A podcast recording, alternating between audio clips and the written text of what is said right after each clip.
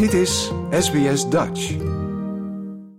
Ik was van vrijdag tot en met zondag en ik heb elke minuut meegepikt om er volop van te genieten. En uh, ik was door Red Bull uitgenodigd in de, Red Bull Lounge, waar iedereen uh, in en uit liep. En uh, ja, het, ik had een geweldige plek en ik had, ja, dat, was, dat, dat vond ik ook uniek.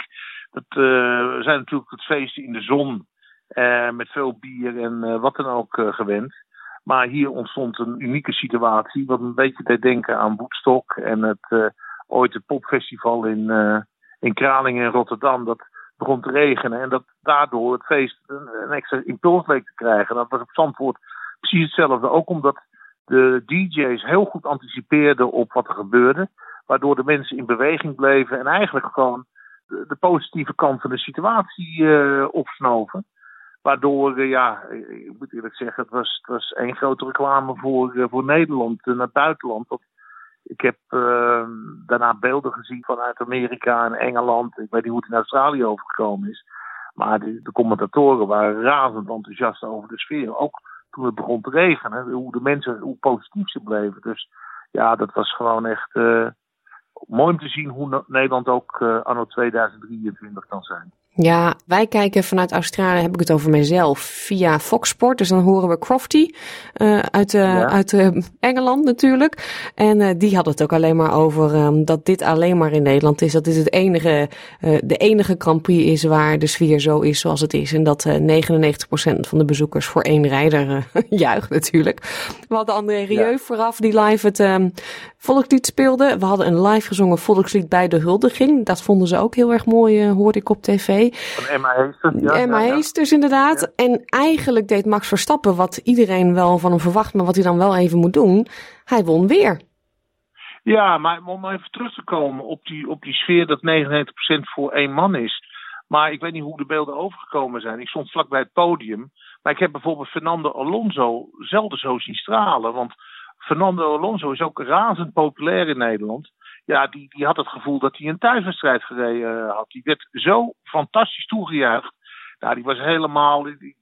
Kon echt zien, dus dit is ja, once in a lifetime. En hetzelfde was voor Gasly. Ik moet zeggen dat het, uh, die ene procent die dan overbleef voor de rest, die werd wel heel snel uitgebreid toen ze met z'n drie op het podium stonden. Het was echt heel erg sportief. Ja, en dan, dan uh, terug naar je vraag van, ja, doet het toch maar weer. Ja, maar, maar dat is Max, hè het, uh, het wordt een hele complexe race. En dan weet je gewoon dat hij uh, er bovenuit steekt. Omdat hij uh, snel schakelt. Hij maakt dan geen fouten. En de druk op zijn schouders lijkt hem altijd weer extra energie te geven. Het is een man die, die een, soort van BTW in zijn prestatie, prestaties voegt. Als het prestaties voegt. Als de druk toeneemt. Hij gebruikt druk om, om boven zichzelf uit te stijgen. Terwijl anderen blokkeren. Ja, dat, dat is zijn unieke, zijn unieke kwaliteit. Dus hij is echt zo cool als dat hij overkomt. Hij, uh, ja. Ik zal je een voorbeeld geven. Het was een vierde Grand Prix. In, uh, in uh, toen was hij 17 jaar, reed nog voor Toro Rosso. En ik was zelf even, ik had zo'n gridkaart. Ik kon dus naar zijn auto lopen vlak voor de start. Ik geloof dat acht minuten voor de start was. Ik was even naar het toilet geweest. En, um, en ineens staan we zo met z'n tweeën te praten. Uh, Piep Jongs, vierde Grand Prix, 17 jaar. En hij zei, oh jeetje, ik moet nodig pissen. Ik moet... Ik zei, nou ja, daar is het toilet. En hij sprint weg.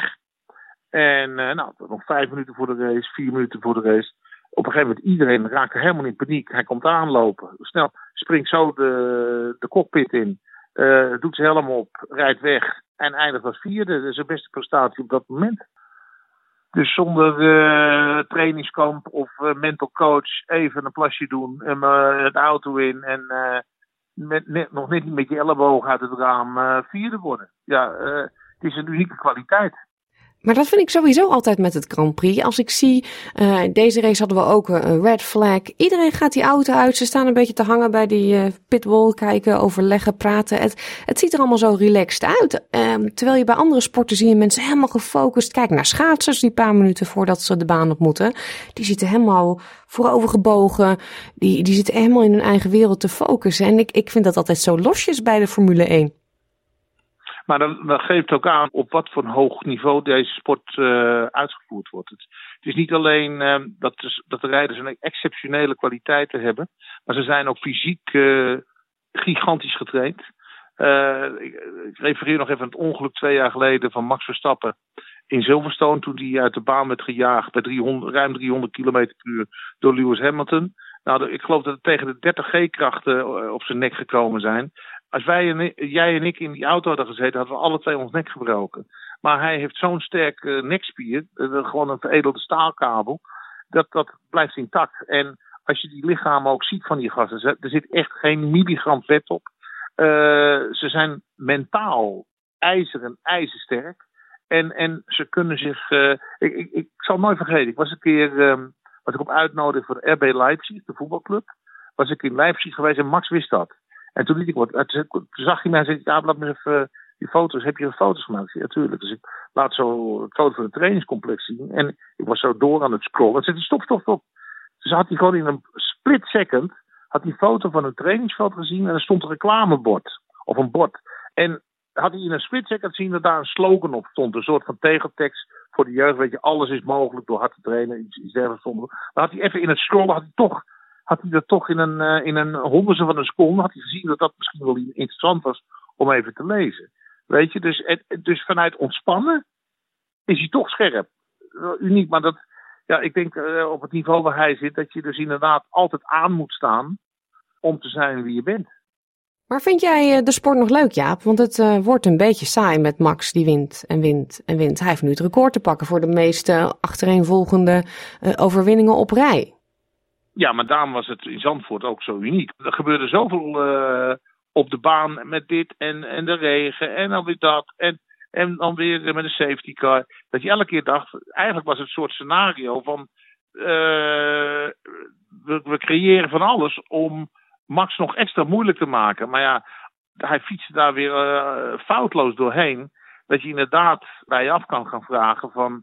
Ja, wat houdt hem nog tegen? Als je ziet wat er in Zandvoort onder zoveel druk, met zoveel incidenten, ook door het weer, dat hij dat toch gewoon boven blijft drijven ja, deze man is gewoon in de vorm van zijn leven. En, en ja, ja, goed, we krijgen dan volgende week een mond. Als hij dan uh, die wint, dan heeft hij tien achtereenvolgende Grand Prix gewonnen. En dan is hij absoluut wereldrecordhouder. Heeft nog nooit iemand uh, in de geschiedenis gepresteerd. Zijn iconische waarde is dan, dan, dan gaat door het zwerk. Gaat het nu toch bijna al. Maar ja, voor de competitie aan zich is het natuurlijk uh, niet echt goed. Laten we gewoon eerlijk zijn. Want het is zo dominant dat je op een gegeven moment uh, gaan de mensen, en niet de Nederlanders natuurlijk, gaan de buitenlanders toch duimen van wanneer gaat het een keer fout dat die keer niet wint. Maar misschien is dat je volgende vraag van, van ja, de wereldtitel, wanneer kan die worden? Ja, ik heb al uit zitten rekenen. het kan zomaar gebeuren dat hij vijf races voor het eind al wereldkampioen is. Ja, dat is ook nog nooit vertoond. Nee. En, en het vervelende is natuurlijk dat dan, dan gaat het om twee races in Amerika, in Austin en in Las Vegas ja, Amerika opzadelen met een competitie die al uh, gespeeld is. Ja, dat zijn ze daar niet gewend. En hoe lopen al die andere rijders rond? Is het uh, nou uh, de beste van de rest natuurlijk? Max is absoluut niet meer in te halen. Nou ja, wat je dus ziet is toch een beetje de battle om de nummer 2 van Red Bull een loer te draaien. En ja, die, die geeft er ook wel al aanleiding toe. De Sergio Perez ja, en dat, daar is de jacht een beetje op geopend. Om, uh, om te kijken of je, of, of net zoals Alonso, ertussen kan komen. En Gasly dus lukte dan ook. Dat is dan in, feite de, het gevecht om te laten zien dat je nog niet helemaal afgeschreven bent. Dat unieke talent, dat, dat ongrijpbare fenomeen Verstappen. Nou, die moet je dit jaar maar even, even loslaten. Die is, die is van de buiten-buiten categorie. Maar ja, die andere van Red Bull, ja, die, uh, om die van de tweede plaats in het algemeen klassement te stoten, ja, dat is de volgende target. En het vervelende van Max is alleen dat als je een Max-fan bent en je moet de races volgen, dat je hem nauwelijks meer ziet, want hij is weg. En de camera die, eh, die kiest dan voor de strijd tussen nummers 2 en, uh, en 6, 7 of 8. Wat, wat vaak heftig is, want die zitten dan in elkaar slipstream, ook bij de kwalificatie. Ja, dan, dan, uh, en dat is wel natuurlijk fascinerend om te zien. En dan, uh, ja, dan als autosportliefhebber zie je dan toch wel dingen. Ik kan nog altijd erg genieten van Alonso. Het, uh, ik hoop eigenlijk altijd nog stilletjes dat Alonso ooit bij Red Bull komt. En dan krijg je echt zo'n soort competitie tussen in mijn ogen twee beste coureurs die er op dit moment zijn. Ja, je spreekt Max dus wel eens. Uh, heb je dat uh, dit keer ook gedaan? Jazeker. Ik heb hem uh, zondag om half twaalf kwam hij even langs in de lounge, waar ik ook was. zat zijn moeder en zijn zusje Veronica. En daar heb ik hem even gesproken. Maar ja, weet je, het komen een zwem bij op hem af. En ik maak even wat korte opmerkingen. Maar echt diepgaand gesprek over moraal des levens, dat zit er niet in. Nee, maar wat drijft hem? Is hij een type die denkt, uh, als hij dit seizoen heeft gewonnen en alles maar wint. En die jongen die verdient natuurlijk uh, goudgeld. Daarvoor hoeft hij het allemaal niet te doen. Zou hij een type kunnen zijn die ja, denkt... Tussen, tussen de 60 en 75 miljoen oh, ja. euro. Ah ja. Dus, ja dus, Precies, ja. ja. maar is hij een type die dan in één keer zou zeggen... Nou, ik stop ermee. Ik heb wat anders gevonden. Hij is bezig met het oprichten van een ander race-team, heb ik gelezen.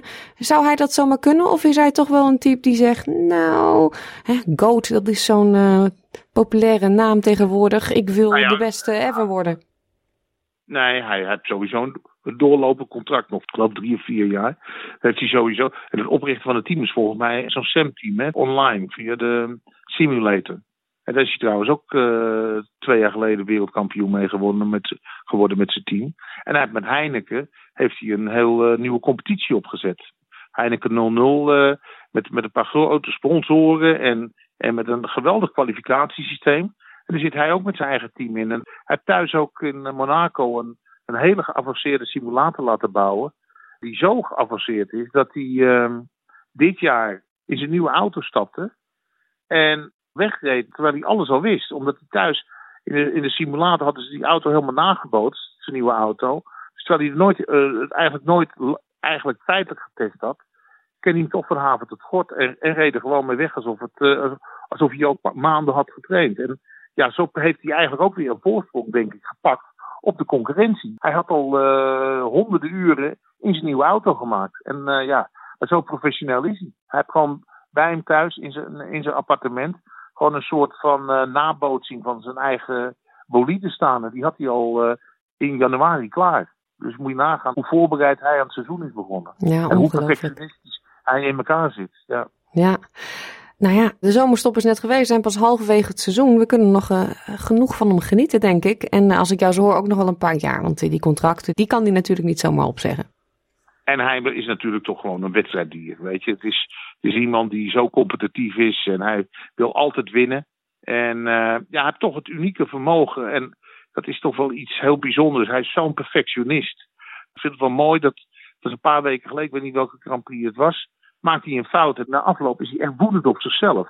Dat hij toch die fout gemaakt heeft. Weet je, dat hij toch zichzelf tekort heeft gedaan. Nou ja, dat is, uh, zolang die, uh, die sperret erin zit, nou ja, dan, uh, dan heeft de concurrentie nog de hele tijd nog een paar jaar nakijken. Wil je nog meer soortgelijke verhalen? Luister via Apple Podcasts, Google Podcasts, Spotify of waar je je podcasts dan ook vandaan haalt.